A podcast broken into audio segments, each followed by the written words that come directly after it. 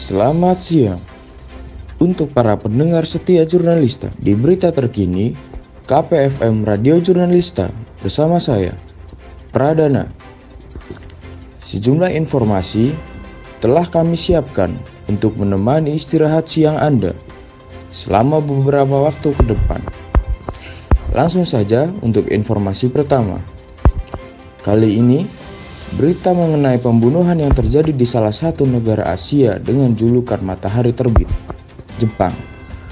Peristiwa ini merupakan peristiwa penembakan yang menewaskan seorang mantan Perdana Menteri Jepang, yaitu Shinzo Abe. Penembakan terjadi saat mantan Perdana Menteri Shinzo Abe tengah melakukan kampanye pada Jumat lalu di kota Nara, Jepang.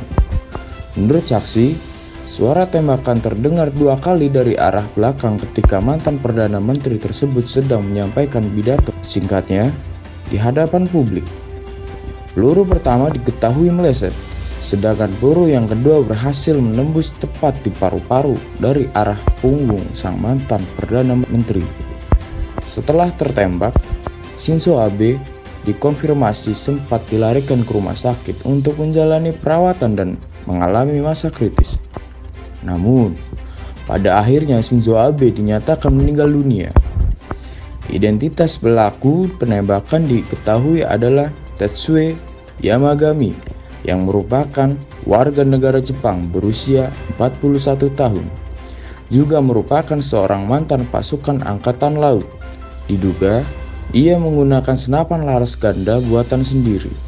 Masih belum diketahui pasti apa motif Tetsue Yamagami melakukan penembakan tersebut.